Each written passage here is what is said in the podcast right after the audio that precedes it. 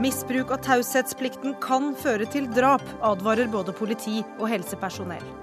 Transportarbeiderforbundet krever oppsigelse av EØS-avtalen i historisk vedtak i dag. Og Valgjerd Svarstad Haugland raser mot nynorsksensuren i riksavisene.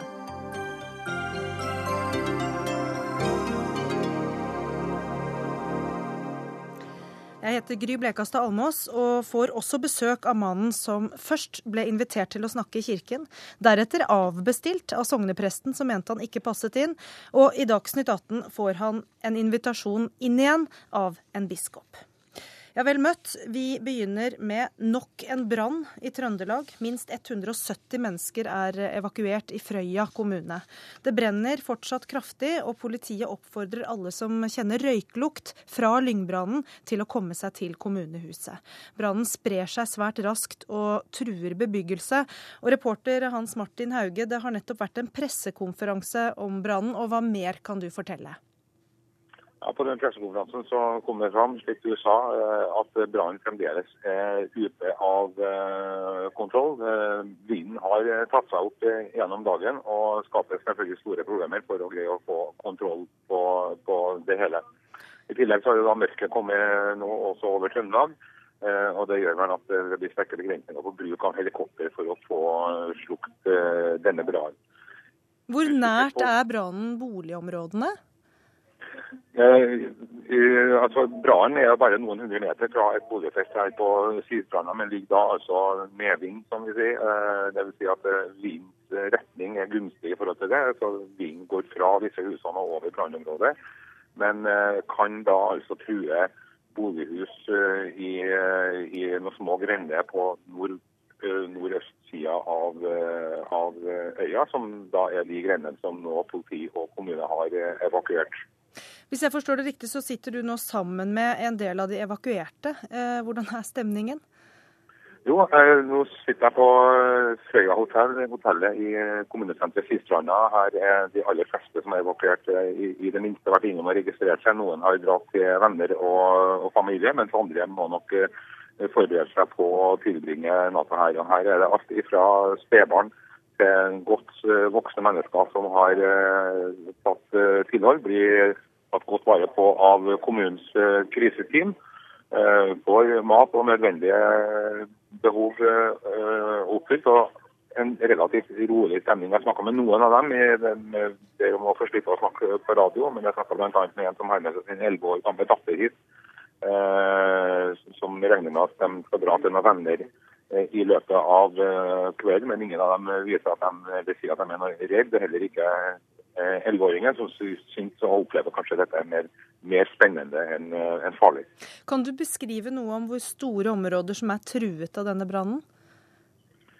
Eh, vanskelig for meg å si hvor stort eh, område som er trua, i og med at det er litt avhengig av vindretningen osv. Fremdeles er det noen kilometer ifra der det brenner på heia her innom eh, vest for, for Sydstranda. Eh, men det er klart røyken ligger flatt eh, langs terrenget og, og, og er jo da plagsomt også da, for de boligområdene på nordøstsida. Mm, er det mange hus det er snakk om, eller? Nei, De snakker om at de har evakuert mellom 40 og 50 eh, bolighus eller familier. Mm. Takk, Hans Martin Hauge. Vi har også med oss statsmeteorolog Terje Valle, Alsvik Valle. Eh, det har altså vært eh, Flatanger i går, eh, Lærdal i forrige uke, eh, og så dette nå. Hva skjer, holdt jeg på å si?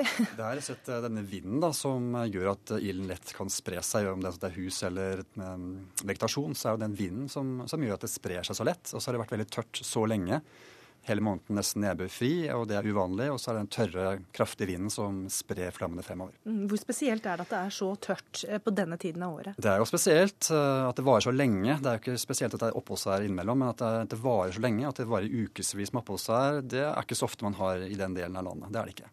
Eh, hvordan ser utsikten ut for vinden i dette området der det brenner nå? Det er en frisk bris, liten kuling i snittvind nå for øyeblikket, med en del vindkast. Og det vil holde seg sånn omtrent som det er nå resten av dagen i dag. Men i morgen så skal vinden være litt mindre sterk enn i dag, så det er med at det blir mindre vind i morgen enn hva tilfellet er nå. Så vinden vil ikke øke mer, men holde seg ganske stabil, og så vil den avta litt til i morgen. Så det ser jo bra ut uh, i mm. forhold til uh, mulighetene for å få stansa dette her. Men uh, er det andre områder som nå er utsatt for brann? Det er det jo. Det er jo egentlig hele fra Nordland og sør mot Vestlandet, der hvor det ikke er snø. Det er særlig kystområdene der hvor det er snøfritt. Og mye sånn gammel vegetasjon fra fjor, sånn lyng og gress som lett tar fyr.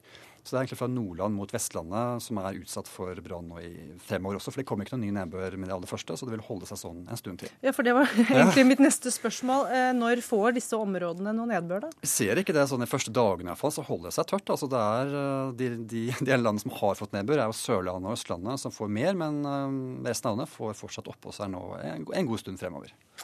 Da sier vi takk til Terje Alsvik Vallø, statsmeteorolog.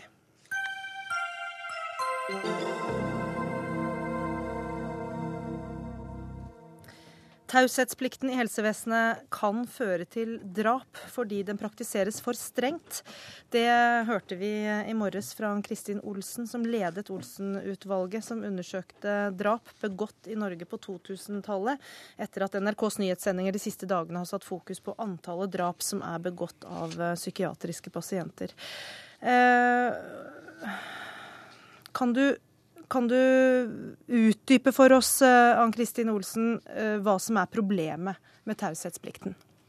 Ja, det er jo eh, klart at disse forholdene er taushetsbelagt. Altså personlige forhold omkring pasienter som er innlagt, klienter som politiet pågriper. Det er personlige forhold som er taushetsbelagt. Men det er unntak.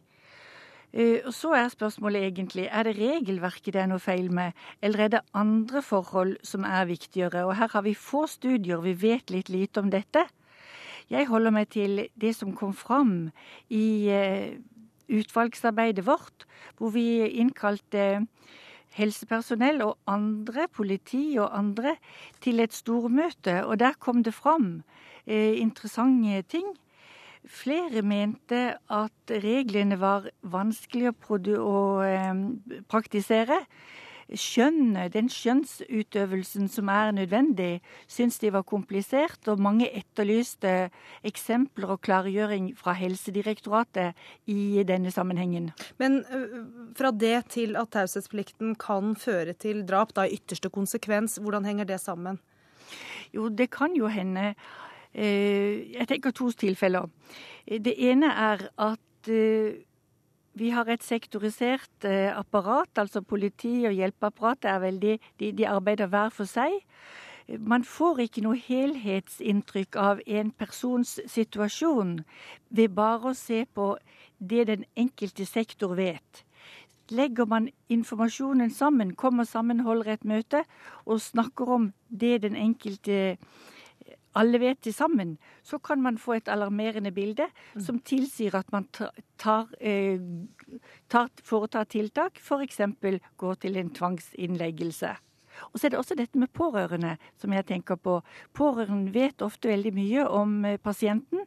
og de føler seg ofte dårlig behandlet av helsevesenet. De kommer ikke til, de får ikke god nok informasjon. Vi har en pårørende med oss eh, i studio her, Espen Øvre. Du har eh, gjort deg dine erfaringer med denne taushetsplikten eh, som far til en psykisk syk jente som endte med å ta liv, sitt eget. Hva gjorde taushetsplikten for dere? Eh, jeg har egentlig lyst, når Vår datter var inne i, i, i både somatikken og i psykiatrien. Det er to forskjellige verdener, som jeg ser det. Hun var på Sunnaas bl.a. I, i to måneder Eh, der var det veldig tidlig satt opp et tverrfaglig team hvor det var naturlig at vi som pårørende var med. Eh, og det var ofte sånn at hvis vi ringte og sa at vi kom en dag til Sunnaas, så var liksom eh, pleierne der ute fram på Silje og sa med en gang i dag kommer foreldrene på besøk, i dag baker vi en kake, i dag gjør vi noe gøy sammen. Men sånn var det ikke i psykiatrien? I psykiatrien så var det veldig ofte sånn at de lukka døra litt sånn opp på, på snei. Så, jeg, så, sier da disse psykiatriske sykepleierne eller eh, disse miljøarbeiderne at et lite øyeblikk skal jeg høre om hun vil ha besøk.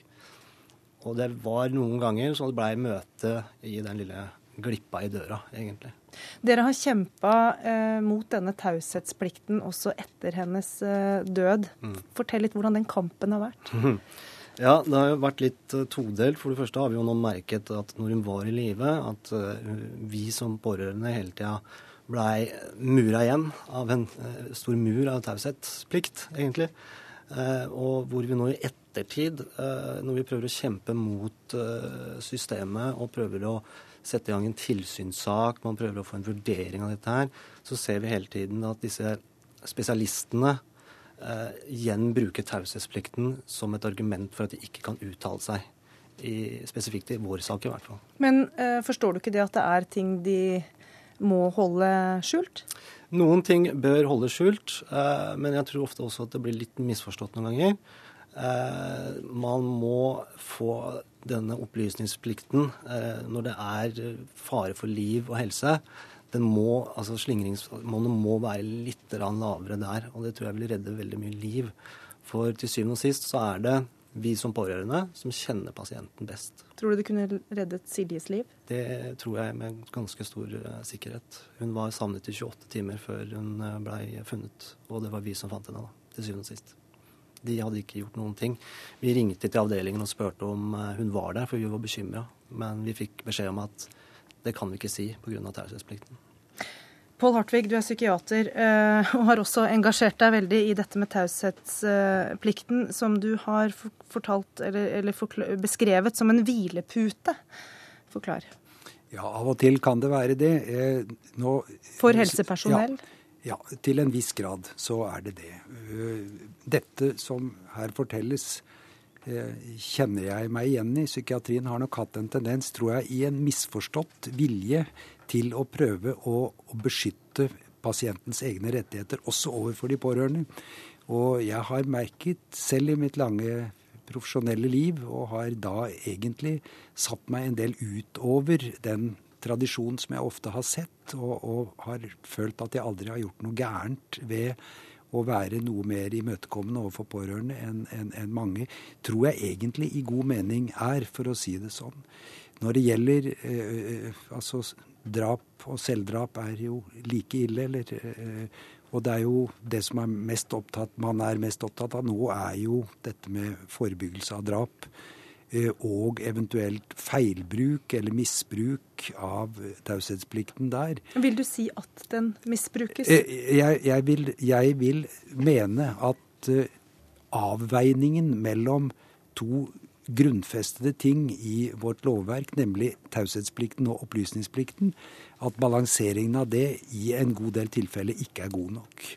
Om det skyldes eh, skal vi si, vilje eller ikke vilje, eller simpelthen mangel på det som Olsen også i stad var inne på, at man ikke har fått noen hjelp i avveiningen mellom disse to. Jeg tror for så vidt at tilskudd til det loven sier om dette, for loven er ganske klar, mm. men kanskje for forenklet og for kort, ville kanskje være en vesentlig hjelp for en bedre avveining av taushetsplikt og opplysningsplikt. Da får vi spørre Kristin Kort Hansen, da, som er direktør i spesialisthelsedivisjonen spesialisthelsedivison i Helsedirektoratet, som sitter med dette eh, regelverket. Eh, jeg hører flere her nå snakker om at det er en misforstått eh, bruk, og også misbruk, av taushetsplikten. Er det loven som sådan det er noe galt med, eller er det måten den forstås på eller forklares på? Eh, jeg tror jeg har lyst til å fange opp det som Ann-Kristin Olsen sa, at eh, hun, de gjorde jo en konklusjon i sin rapport, og de etterlyste at man skulle se noe videre på det. Det er gjort undersøkelser etterpå blant politi, eh, sosialtjeneste, helsepersonell osv. Og de sa alle sammen at de mente at det var ikke regelverket som var til hinder for samarbeidet, men det er kunnskapen, og da særlig om unntakene. Eh, og det tror jeg de har helt eh, rett i. Det stemmer også med, med Gjørv-kommisjonens rapport.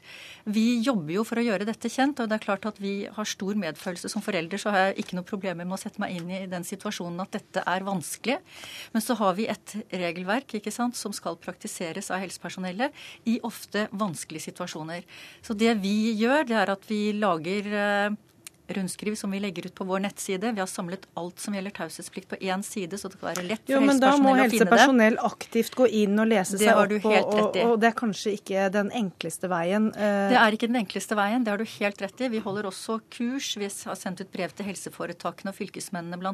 Men det er tydelig at det ikke fungerer Nei, godt nok. Det er selvfølgelig sånn at det ikke fratar virksomhetene ansvaret. Det enkelte virksomheten har ansvar for at deres personell skal kunne opptre innenfor loven. Ja, for det er klart at Når man har en forståelse av eh, et regelverk som i ytterste konsekvens fører til at, eh, at pasienter tar liv, da må det jo være et problem som man er interessert i å få gjort noe med.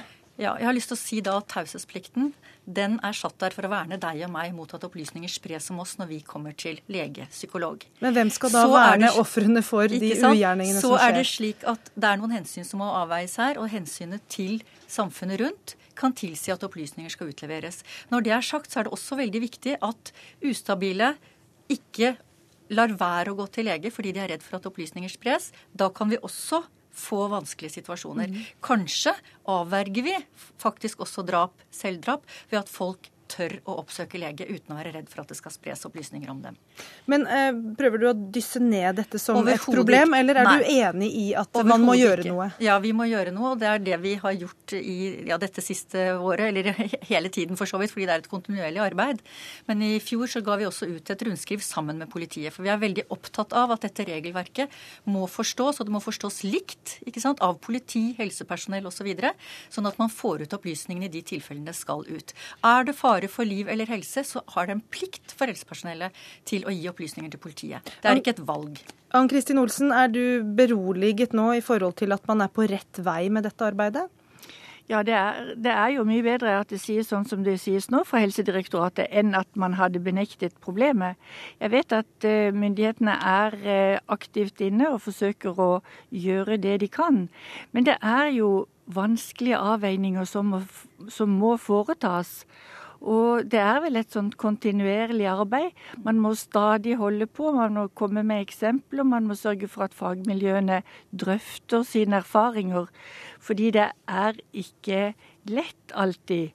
Og man kan jo i ytterste konsekvens som helsepersonell bli straffet hvis man tråkker feil. Så man må ha respekt for at dette er krevende, og at det ikke det finnes ikke noen sånn lett universal løsning. Men myndighetene ønsker forbedring, det er jeg overbevist om. Og så er det nå viktig, tror jeg, å fokusere kanskje særlig på dette med pårørende. For vi fant at her var det sånn at mange pårørende etterlyste informasjon, syntes de fikk for lite. Og vi mente at en kontinuerlig kommunikasjonsprosess med pårørende er veldig viktig, og det så vi ikke fantes da. Er det noe som man, man tenker at man bør bedre, denne dialogen ja, med pårørende? Absolutt. Altså, vi har uh, satt det på dagsordenen. Vi er veldig opptatt av at pårørende er en viktig ressurs i dette arbeidet. Og at det må komme ut til helsetjenesten. Opplevde du Espen Øvre det som en viktig ressurs? Overhodet ikke. Vi, uh, vi fikk Vi prøvde så godt vi kunne å komme inn og bidra med det vi kunne gi av opplysninger.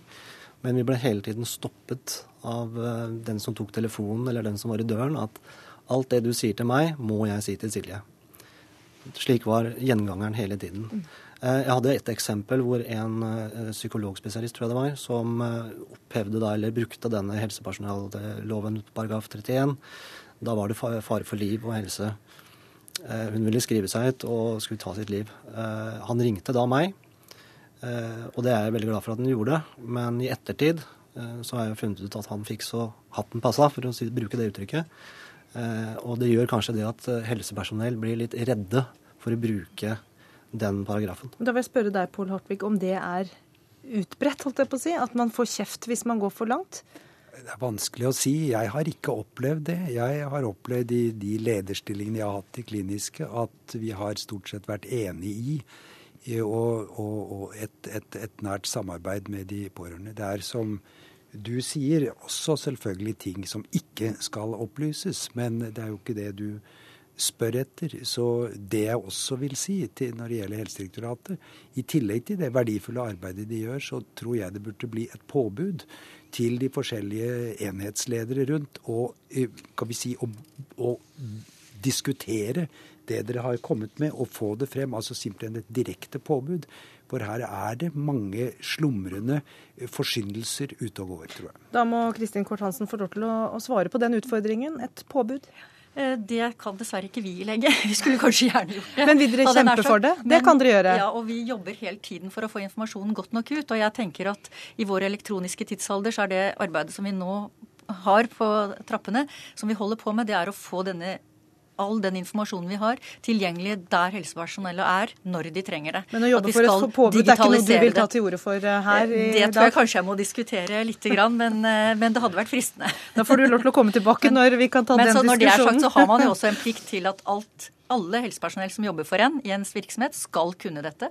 Så Sånn sett så kan du si at det allerede er et påbud. Men jeg kan få bare legge til det at Vi kommer i hvert fall til å kjempe videre for mer eh, informasjon, eh, mer samarbeid med pårørende.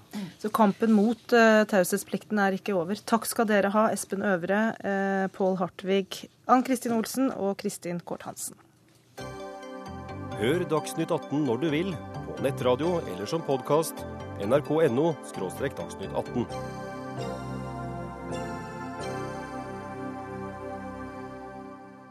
Neste spørsmål i Dagsnytt 18 er hvem som skal få taletid i en kirke. Spørsmålet er aktualisert ved at sognepresten for Mortensrud menighet i Oslo grep inn og stanset en planlagt dialogkveld med den profilerte humanetikeren Levi Fragell. Eh, den sognepresten er eh, deg, Trond Løberg. Hvorfor skal ikke Fragell få samtale under en såkalt vandringskveld i Mortensrud kirke? Jeg må først forklare litt hva vandringskveld er for noe. Det er en eh, kveld hvor vi inviterer én gjest til en samtale. Det er en leda samtale hvor gjesten får lov til å slippe til og får lov til å fortelle nokså uten filter i en halvtime, tre kvarter om livet sitt og trua si. Så eh, vi styrer ikke mer enn at vi stiller noen spørsmål, og så får vedkommende lov til å utbrodere det. Og dit hadde man altså invitert Levi Fragell, og så stoppet du det. Og hvorfor gjorde du det? Jo, fordi at eh, vi har mange ulike gjester som har ulik grad av, kristen tro og kristen bekjennelse. Men Levi Fragell er så kritisk til ikke bare kirken, men til kristendommen. Og har gått eh, veldig sterkt ut også mot en del kristne personer som vi har stor respekt for, og som vi har hatt på vandringskvelder som våre gjester at vi syns ikke det var riktig å ha han som gjest i det forumet. Da skal vi legge til at det var ikke du som hadde invitert han i utgangspunktet, Nei. det var en annen. Vi har også med oss eh, Levi Fragell her, da. Hva tenkte du da du fikk denne avvisningen? Ja, da ble jeg jo eh, litt overrasket, i og med at jeg hadde lovet min venn eh, Ragnar Sjøli om å stille opp der, og ryddet unna tid og plass til det på mine timeplaner. Men så var det begrunnelsen og det var at jeg var ikke troende, og det var bare de som var liksom, troende eller støttet den kristne tro, som da var, egentlig kunne være med på slike ting. Og da slo jeg meg til ro med det, eh, for det, hvis det er noe jeg ikke er, så er det jo eh, troende, så jeg aksepterte det. Men eh, så gikk det jo opp for meg at eh, det var ikke slike grenser egentlig. Fordi det var visst at det var en hel rekke som hadde vært der som ikke var eh, så, så typisk troende, men de snakket om sitt livssyn og om sitt liv. Og da ble jeg litt forundret over at jeg skulle lage en hel del planer som da gikk i vasken bare fordi de mente, som det ble skrevet i avisen i går av en av redaktørene for Vårt Land, at jeg var så fiendtlig innstilt overfor eh, kristendommen. Vi har denne redaktøren i, i, studio også, men Trond Løberg først. Hvorfor er det så mye verre å ha Levi Fragell der enn da noen av disse andre ikke-troende som har vært til stede i tilsvarende eh, sammenhenger? Altså, De andre som har vært eh, der, har i utgangspunktet et åpent forhold til kristendommen. Selv om de kanskje ikke har en tydelig bekjennende tro, så er de åpne og positive og ser verdien av det. Mm. Levi Fragell har uttalt seg veldig kritisk om kristendommen og det helt sentrale i kristendommen, og mener at eh, Kirken står bak eh, mye av det verste vi ser i, i vår historie. Så, så, det er litt med graden eh, her. Så, ja. Hva tenkte du at du hadde der å gjøre, egentlig, Fragell? Nei, altså jeg ville være hyggelig mot en gammel kamerat og stille opp der og snakke om livet og disse filosofiske tingene. Jeg har jo vært mye rundt i tilsvarende arrangementer. Og jeg har aldri noen gang opplevd at noen har følt seg støtt eller krenket av at jeg har redegjort for mitt syn. Og når det gjelder forhold til kristendommen, så må jeg jo si at jeg vokste opp i en familie med kristne foreldre, familie på alle kanter. Jeg elsker dem. De er verdens beste mennesker. Det er ikke slik at jeg går rundt og hater disse menneskene og disse miljøene. Men det er visse ting som har utviklet seg i de senere år og som for så vidt også eksisterte i noen grad i min egen oppvekst, som jeg tar skarp avstand fra skarp avstand. Og jeg syns det er en vanære for utviklingen i Kirken at man nå har grepet fatt i noen av de mest spekulative predikantene på verdensbasis, som driver ut demoner av småbarn, som, som, lar dem falle i ånden, som de kaller det, for på møter. Suggestive virkemidler. Og, og det tar jeg avstand fra. Ok, men... Eh, ja, eh, det er bra. Ja. Eh, denne avvisningen eh, av deg kunne vi lese om i Vårt Land i dag at har sjokkert deler av Kristen-Norge. Men det som sjokkerte noen enda mer, var at avisa gikk ut og støttet avgjørelsen. Og Trygve Jorheim, du er reportasjeleder i Avdeling for tro og kirke, og du skrev en kommentar under navnet 'Grensen er nådd'. Der du altså prøver å tegne opp en, en grense for hva som er greit og ikke i et kirkerom. Og, og hvorfor er det ikke greit? Altså Hvorfor er han på feil side av grensen, for å si det sånn? Nei, Jeg ble jo overraska over at det har blitt så mye føss av dette her. Det, det, kan si noe om hvilke forventninger som ligger der til Den norske kirke som en dialogaktør. Uh, fått mye, mye, kritikk for å være mot dialog nå er jeg da. Uh, jeg er veldig for dialog. Jeg vet at veldig mange menigheter og kristne er veldig for dialog. Disse vandringskveldkonseptene finnes rundt mange steder i landet, og det samler mye mennesker, og det åpner menigheten. Men eh, dialog det krever et minstemål av felles plattform og erkjennelse. Og eh, Lev Fragell har i mange år krevd at nærmest en samlet norsk kristenhet skal ta unnskyld, avstand fra elementer eh, i kristendommen som er helt sentrale for presten i Mortensrud. Og da, da har man ikke da har man ikke det på plass som skal til for å kunne snakke om en reell dialog. Så jeg mener at her står man for langt fra hverandre til at dialogargumentet egentlig holder vann.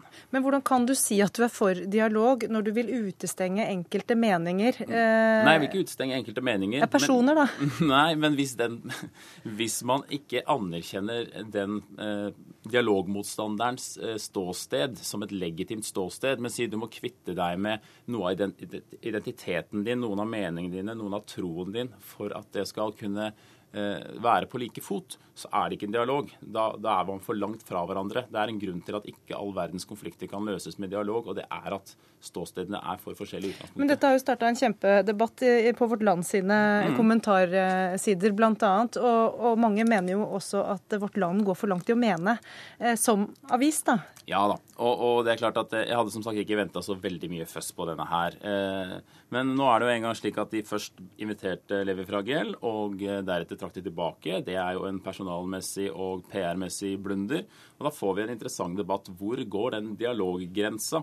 Og så eh, blir jo dette her alltid et sånt vurderingsspørsmål. Hvem har sagt så mye at vi egentlig ikke er reelle samtalepartnere, bare folk som sitter og, og kaster uh, dritt på hverandre? Så, så den, den, linja der den er ikke så veldig viktig å trekke opp for meg akkurat. Men, men det er viktig at man, man, har den debatten, og at dialog ikke er liksom alle tings mål og et argument som trumfer alle andre argumenter. Vi skal trekke inn eh, en debattant uh, til. For Levi Fragell, du fikk, jeg vet ikke om det var overraskende støtte, en telefon hjem i går?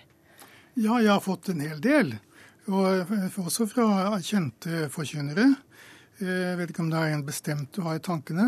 Jo, det er Tor B. Jørgensen som er biskop i, i Sør-Hålogaland. Han er med oss nå, men du kan jo fortelle hva han eh, ville med deg? Nei, altså, eh, biskop Jørgensen, som jeg anser for å være en av de troende som jeg setter veldig stor pris på, eh, han lurte på om jeg kunne komme til Bodø og ha den dialogen der isteden.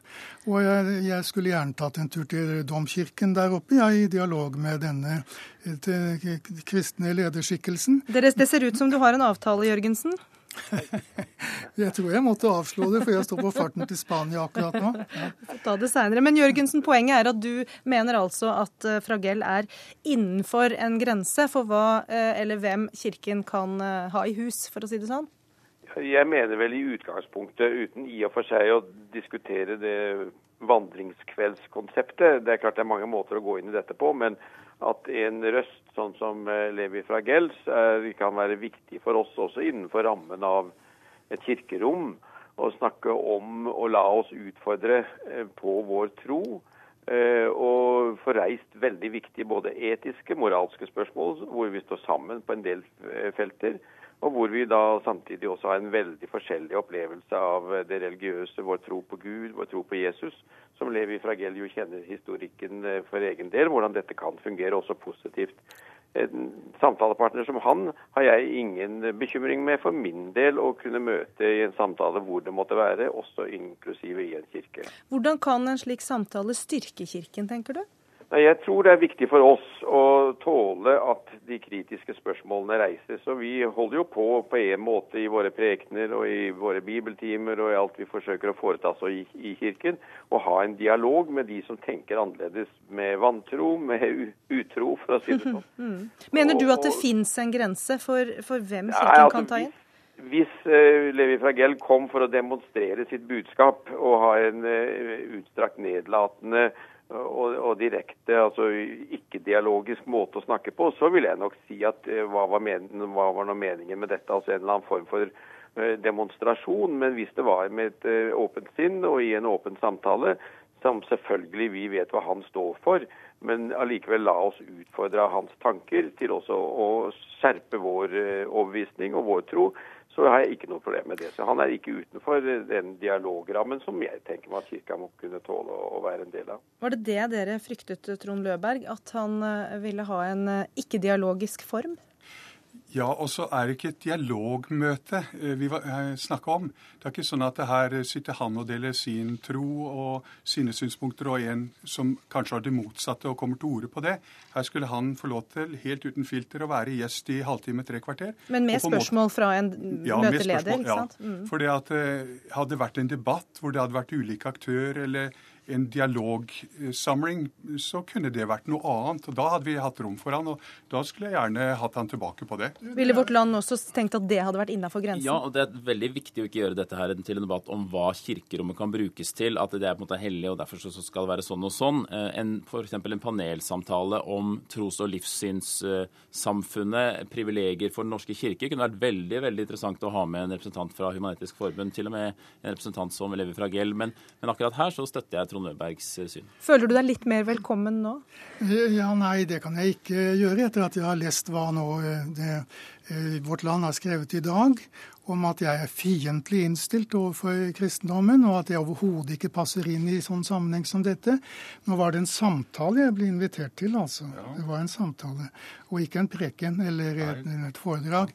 Og så, så, de samtalene som jeg har hatt flere steder, i menigheter, i kirker, har vært veldig fine arrangementer. For du har vært på mange eh, tilsvarende arrangementer andre steder? Det har jeg vært, ja. Tusen takk, eh, Levi Fragell. Takk også Tor Bjørgensen, Trond Løberg og Trygve Jorheim.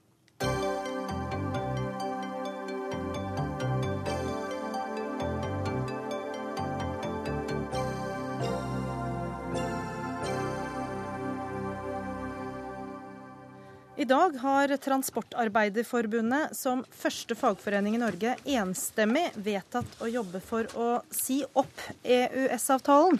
Hvorfor, nestleder i Transportarbeiderforbundet Lars Johnsen? Det er fordi at vi mener at den eh, angriper de faglige rettighetene folk har, og går, er med på å skape sosial dumping, utrygghet på norske veier osv. Det gir gir ikke myndighetene mulighet til å gripe inn mot det som skjer i dag. Hvilke konkrete konsekvenser vil du si at disse eh, reglene vi da får eh, innover oss, holdt jeg på å si, eh, får? Nei, vi har helt fra altså Det begynte jo med anbudet Byss. Så fikk vi endring i en sysselsettingslov som gjorde at det ble fritt fram for vikarbyråer. Så har vi fått vikarbyrådirektiv. Så har du da kabotasjekjøring og mer og mer liberalisering. Kabotasjekjøring må du forklare. Det er eh, innenlandstransport av et selskap med utenlandsk opprinnelse. Altså, og, og Hvilken konsekvens får det for norske transportarbeidere? Nei, Vi ser jo nå at de dumper lønninger. altså Folk har 600-800 euro i månedslønn. Eh, de kjører eh, under et utrolig press, de fleste sjåførene som er ute på veiene. Mm. Altså De får klar beskjed om at hvis de ikke bryter det regelverket som er, så må de se seg om etter en annen jobb når de kommer tilbake. Så det er Jeg påstår at det er nærmest mafiatilstander i en del av eh, transportbransjen i dag. Pga. Av, av de reglene som er, og den liberaliseringen som skjer. De har slåss sammen med resten av Europas havnearbeidere mot to havnedirektiv for å stoppe de. Men EU-kommisjonen har ikke tenkt å gi seg, så derfor har de stevna både Portugal og Spania for retten fordi at de bruker, verner havnearbeiderne i forhold til arbeid. Svein Roar Halsen, du er stortingsrepresentant for Arbeiderpartiet og leder den felles EØS-parlamentarikerkomiteen på Stortinget, som det heter. Eh, du mener Johnsen her er på villspor. Hvorfor det? Ja, altså De bekymringene han gir uttrykk for, er det all grunn til å dele. og Derfor har også Arbeiderpartiet lagt fram i Stortinget nå et såkalt Dokument 8-forslag eh, med eh, forslag om å få utredet tiltak mot sosial dumping i transportsektoren. Men oppsigelse av EØS-avtalen er ikke løsningen? Nei, det er ikke det som er løsningen. Eh, løsningen er å bekjempe sosial dumping innenfor EØS-avtalen. Eh, og vi har, eh, Den forrige regjeringen har fått vedtatt tre handlingsplaner mot sosial dumping. Veldig mye rettet i, i, mot byggebransjen, fordi vi fikk en stor innflukt av arbeidere fra Polen fra, som, som vi måtte forhindre førte til sosial dumping. Men den utviklingen han beskriver her, har jo skjedd eh, bl.a. i løpet av de årene Arbeiderpartiet har sittet ved makten? Ja, og det har akselerert. Eh, særlig det med kabotasje. Og, og, vi ser få biler innover grensa som ikke er i stand, sjåfører og biler som ikke er utstyrt for å kjøre. Det må vi ha tiltak imot, og det er det fullt mulig å gjøre innenfor EØS-avtalen. Hvordan da?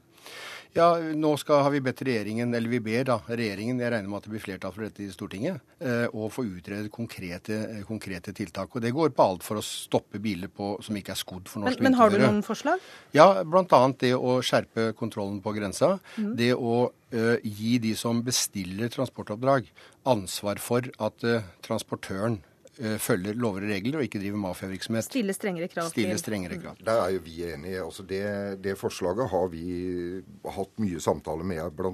Arbeiderpartiet og andre partier om. Uh, og hadde jo dette framme i, i valgkampen. Så det er klart vi er veit at det er noen tiltak, men vi ser en forverring hele tida i forhold til EU-regelverk som dumpes innover landet. Så dette er ikke nok, tenker du da? Ikke, ikke som et totalt. Altså, det vil ikke løse bussjåførens problem med å skifte arbeidsgiver hvert femte år fordi at det må ut på anbud. Det løser ikke problemet i forhold til havnene når du har en EU-kommisjon som presser på og skal ha frislepp i havnene, og helst ha filippinsk mannskap som driver og laster skipa til, til 25 kroner i timen. Altså, for dette blir vi dytta på hele tida. Og det er det våre medlemmer frykter. Derfor så fatta vi et enstemmig vedtak. Og så har jo da Norsk Transportarbeiderforbund alltid vært et radikalt forbund. Vi var imot EU-medlemskap i 94. Vi var imot i ved forrige avstemning òg. Det var du også, Per eh, Olaf Lundteigen. Og, og dette enstemmige vedtaket i dag er jo en gavepakke til Senterpartiet.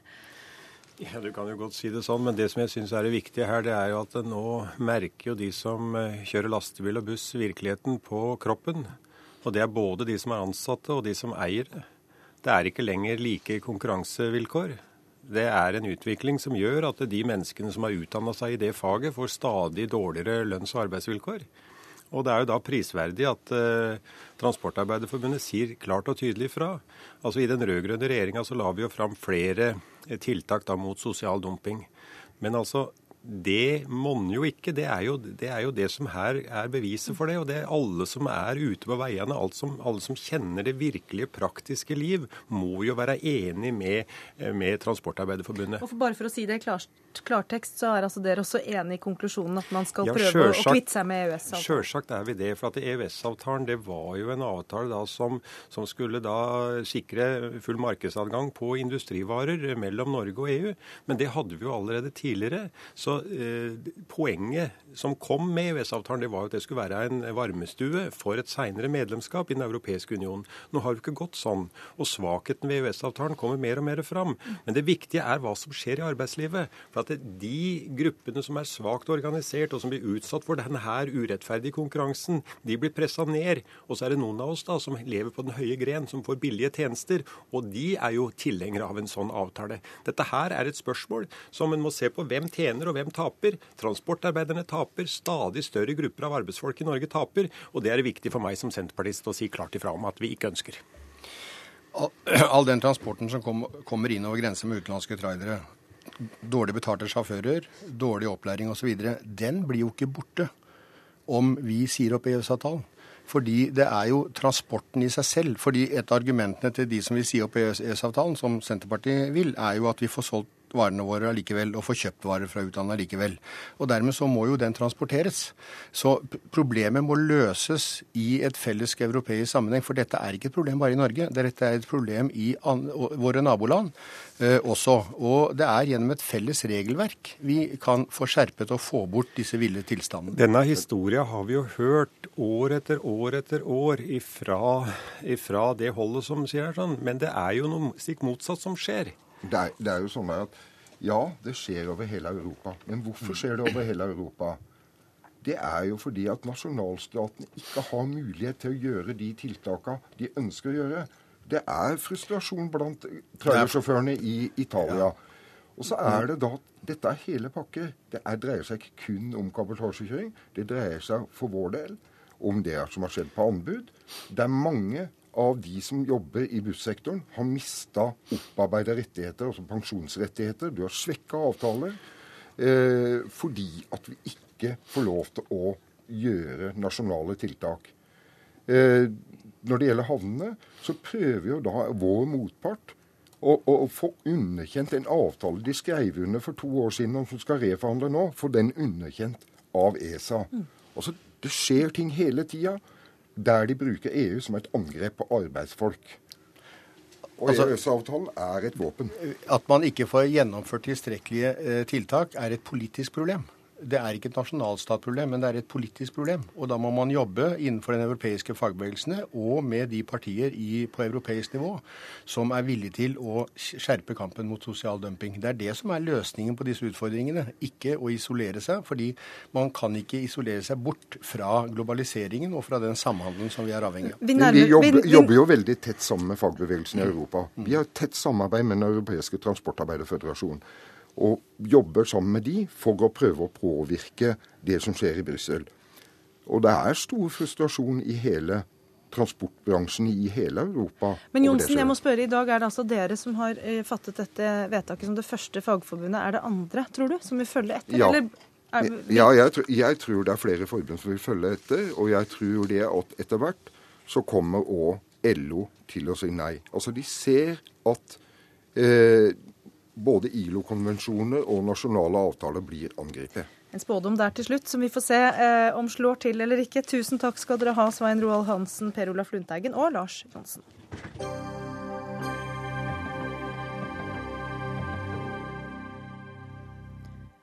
De uføre er blitt den norske pariakasten. Det er på tide å gjøre noe med det. Vi kan starte med regjeringen. Dette er starten på en kronikk eh, du har skrevet på NRK Ytring, og som er blitt en av de mest delte der. Leder i SV Vefsn, Christian Thorseth. På hvilken måte mener du at uføre er en pariakaste? Ja, jeg vil si det at det, det oppstår en forakt for de uføre, som er ganske stor og voksende. Den er skapt av politikere og media. Det er et fiendebilde som sier at de uføre er en trussel mot velferdsstaten. Og straks de uføre er oppfatta som en trussel, så slår neste nivå i stigmatiseringa inn. Eh, da begynner påstanden om at de uføre ikke egentlig er uføre. At de egentlig godt kunne ha jobba, at de er late snyltere parasitter som jukser til seg trygd. Hvordan kan du si at dette er en voksende tendens? Jo, fordi at dette blir uttrykt klarere og klarere i både politisk eh, sammenheng og blant folk flest. Det Eh, altså Bekymringen for pensjonene våre f.eks. den er blitt eh, større og større de siste årene. Og den henges på eh, økninga blant de uføre. Den oppfatta økninga blant de uføre. Men er det ikke også snev av sannhet i, i disse påstandene eller inntrykkene som skapes? Det finnes det ikke noe data som kan underbygge de eh, spekulasjonene som går om at en, en god del av uføre er, eh, ikke egentlig er ufør, de kan ikke underbygges med noen slags eh, statistikk. Nav sine, egen, sine egne tall fra i fjor de viser at totalt for hele året så ble det anmeldt 1100 personer for juksing med ytelser fra Nav. Mm. De, det tilsvarte ca. 230 millioner. Mm. De langt fleste av disse personene de var eh, mennesker som gikk på, på dagpenger eller på sykepenger. Mm. Og da kan du fordele altså kanskje 10% av de, de 230 millionene kan fordeles på alle de andre Nav-ytelsene. Vi snakker om noen få millioner kroner som muligens er svindl, eh, svindla av uføre. Du skriver, også, du skriver, også, i denne eh, ytringen din at eh, politikere på høyresiden spiller på fordommene mot uføre for å trekke velgere. Hvordan begrunner du den påstanden? Ja, Det er ganske lett. De sier rett ut at de uføre er juksemakere. De sier f.eks. at en god del av de uføre til tross for de årelange utredningene og de mange legene og Nav-ansatte som er med i, i de her undersøkelsene, så påstår de at disse menneskene er friske. De kunne godt ha jobba, sier de. Eh, det er å spre fordommer. Det er å skape forakt og det er å skape et fiendebilde. Da har vi eh, Erlend Wiborg i studio også, som eh, er stortingsrepresentant for Fremskrittspartiet, og som skal få lov til å være regjeringens representant da, og, og, svare for, eh, for, for dette. Sprer fordommer. Jeg er helt uenig i den påstanden, og syns også det er synd at man drar inn ord som parasitter osv. om mennesker i denne debatten. Både jeg og Fremskrittspartiet og regjeringen er helt klare på at de som Eh, er, eh, er, for syke til å kunne jobbe, eh, da skal de selvfølgelig kunne motta uføretrygd, og det skal man ikke være flau over i det hele tatt. Det er en rettighet man har i Norge, og det er en rettighet vi også mener er viktig å verne om. Men så tror jeg også det er viktig at, som jeg mener kanskje SV har vært for passive på, det handler om å legge enda bedre til rette for at eh, dag, Sånn som i dag så har vi jo over 600 000 mennesker i arbeidsfør alder som ikke jobber. Og jeg tror veldig mange av disse, og det viser undersøkelser at veldig mange av de ønsker å jobbe noe. Veldig mange eh, eh trenger ikke nødvendigvis være 100% uføretrygdet. Kan kanskje være 60% 80% og jobbe noe. Og da må vi ha eh, fleksible systemer som legger til rette i større grad enn i dag for at folk skal kunne bruke noe mer av sin restarbeidsevne. Men eh, slå fast en gang for alle er at er du dårlig, er du syk, da skal du selvfølgelig eh, kunne motta uføretrygden din uten å være flau over det. Torsett? Jeg må få påpeke at her er det presisjonsnivået som vanlig lavt fra FrPs side. Du snakker om 600 000. Det er 307 000 uførepensjonister, uføretrygda, i, i Norge. Mens du later som at det er over en halv million. Det her skjer hele tida. Det er påstander om at eh, de som eh, virkelig er syke, de skal selvfølgelig få pengene sine. Og så insinuerer du at det er ganske mange som ikke er det, da. Men du har ingen data som kan bygge opp under det her. Du har ingen statistikker noen sted som kan si det at det faktisk er et reelt problem at mennesker svindler til seg uh, uførestønad. Som sagt så er det her Det tar mange år å bli uføretrygda. Det, det, første, det, er ikke noe du kan bare trylle fram. Da, må, da heter du Harry Houdini. Altså, Nå lar vi Wiborg svare på det, Thorseth. Nå lar vi Wiborg svare. Det jeg sa, var at det er over 600 000 mennesker som står utenfor arbeidslivet. Jeg sa ikke at alle ja, de er uføre. La meg fullføre. Jeg sa ikke at alle de var uføretrygd. Det ligger eh, på over 300 000 som er uføretrygdet. Men når undersøkelser selv eh, foretatt av f.eks. Nav viser at veldig mange av de som er uføretrygdet, ønsker å jobbe noe, eh, og mer enn de gjør i dag. Da mener jeg at eh, vi som politikere feiler hvis ikke vi legger eh, til rette for at folk skal kunne få brukt noe mer av sin restarbeidsevne. Men hvorfor bruker dere ikke da mer krefter på å få nettopp det til, istedenfor skatteletter for de rike og nei, andre absolutt, tiltak dere har prioritert? Det er absolutt det vi nå gjør. Sånn som nå i statsbudsjettet så økte vi antall tiltaksplasser for folk med nedsatt funksjonsevne. Og vi har jo veldig mange funksjonshemmede som ønsker å jobbe. Bare at man må tilrettelegge noe bedre for det. Og det er derfor regjeringen nå styrker, eh, skal rettighetsfeste, juridisk rettighetsfeste brukerstyrt personlig assistent. Det er derfor vi eh, legger til rette for flere tiltaksplasser. Eh, gjør rett og slett døren mer åpen for mennesker som har noe funksjonsnedsettelse. Kristian Thorseth, hvor, hvor, hvor, stor betydning tror du det har for, for, deg at du selv er ufør, i at du nå er veldig kritisk til regjeringen og dens måte å håndtere uføre på? Jeg mener Det er ikke relevant i det hele tatt. Argumentene mine de får stå på sine egne meritter. Når ikke jeg skrev det i den kronikken, så er det fordi at jeg henvender meg jo til folk som jeg antar har fordommer. Da nytter det ikke å si i utgangspunktet at jeg er en av de du har fordommer mot. Men, men opplever du deg stigmatisert? Det er litt det jeg er ute etter. Eh, er det, er det på bakgrunn av egne opplevelser du har engasjert deg i dette? Nei, på ingen måte. Jeg har et veldig godt liv. Dette her, det går på eh, rent objektive, målbare kriterier. Mm. Altså, Hva gjør Frp og Høyre når de kommer i regjering? De kutter umiddelbart 6 milliarder kroner i pensjonene til de uføretrygda. Det er feil. Ikke sant?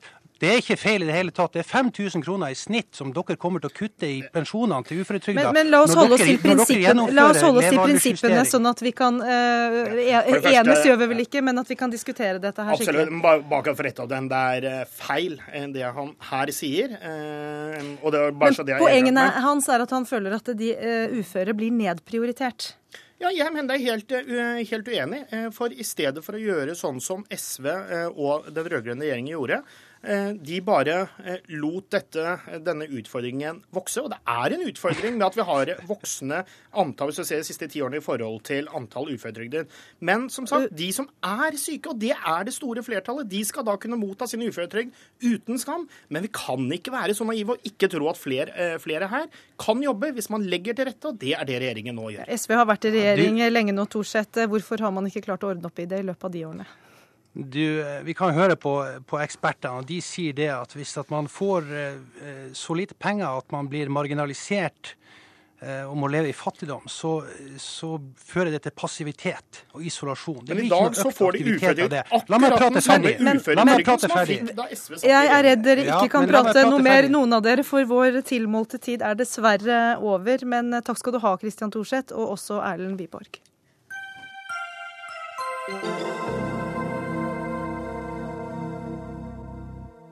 Vi skal eh, avrunde Dagsnytt 18 med en debatt eh, mellom en bakstreversk avisredaktør og en eh, provosert nynorskbruker. Sistnevnte er deg, Valgjerd Svarstad Haugland, eh, tidligere kulturminister og fylkesmann nå. Eh, Det er bakstreversk av redaktører og nekter journalister å skrive nynorsk, sier du til Klassekampen i dag. Hvorfor er det bakstreversk? Ja, jeg, jeg hørte jo òg introduksjonen at jeg raser. Altså, mener, Når dere påstår jeg raser, så har ikke dere sett meg rasende. Jeg vil begynne med det. Eh, jeg ble ringt opp av Klassekampen i går pga. intervjuet med Jon Fosse. Og jeg hadde lest intervjuet med Jon Fosse. Det var et godt intervju, òg i Aftenposten. Men så las jeg et par dager etterpå et leserinnlegg der en hadde lest det i Aftenposten, men han hadde òg lest det i Bergens Tidende. Da var det skrevet på nynorsk. Og da tenkte jeg Går det an? Har Aftenposten så mye ressurser at de faktisk bruker ressurser på å omsette et godt intervju fra nynorsk til bokmål? Og jeg, jeg har ikke tenkt til å på en måte sette noen redaktører til ve- veggs i hele tatt, men jeg ønsker å utfordre de. Altså Vi som, bor, vi som abonnerer på Aftenposten, og jeg er her som abonnent på Aftenposten i dag, vi betaler òg abonnementet. Vi leser aviser. Og det er ikke bare folk som er født og oppvokst i Oslo vest som bruker Aftenposten. Jeg har jo bodd eh, mesteparten av tida mitt på Østlandet, men allikevel så er jeg glad i nynorsk. Det er mange av oss. Av og til så tenker jeg kanskje nynorskbrukere òg skulle ringe litt inn til redaktørene av og til, slik som sikkert noen få bokmålsbrukere gjør hvis de ser noe på nynorsk i Aftenposten. Så min, min utfordring er altså tenk igjennom. Vær med på litt sånn språkkultur og opplæring. Der var det mange utfordringer til en bakstreversk redaktør. Veslem Hedvig Østrem, du er eh, konstituert kulturredaktør i Aftenposten. Og hvorfor får ikke journalister i deres avis lov til å velge målform, eller at man da tar denne Bergens Tidende-saken inn på nynorsk? Alle som jobber som journalister i Aftenposten, de må forholde seg til den språknormen som vi har, som er en moderat bokmålsform. Eh, Det betyr at vi har vår egen rettskrivningsordliste. Vi tar språk på alvor. Vi har en veldig sterk identitet knytta til, til vårt språk. Men nynorsk er også språk, vet du. Ja, og det betyr jo at jeg som da egentlig bruker a-endelser i mitt muntlige språk, jeg må skrive Jeg kan ikke skrive det. Jeg kan heller ikke skrive nynorsk når jeg, når jeg skriver det. Det gjelder alle journalistene. Ja, hvorfor? Det er fordi, eh, fordi at en redaktør i en avis er i sin fulle rett til å sette en standard for hvilken type stemme den avisa skal ha. Men hvorfor ønsker Aftenposten da en bokmålsstemme?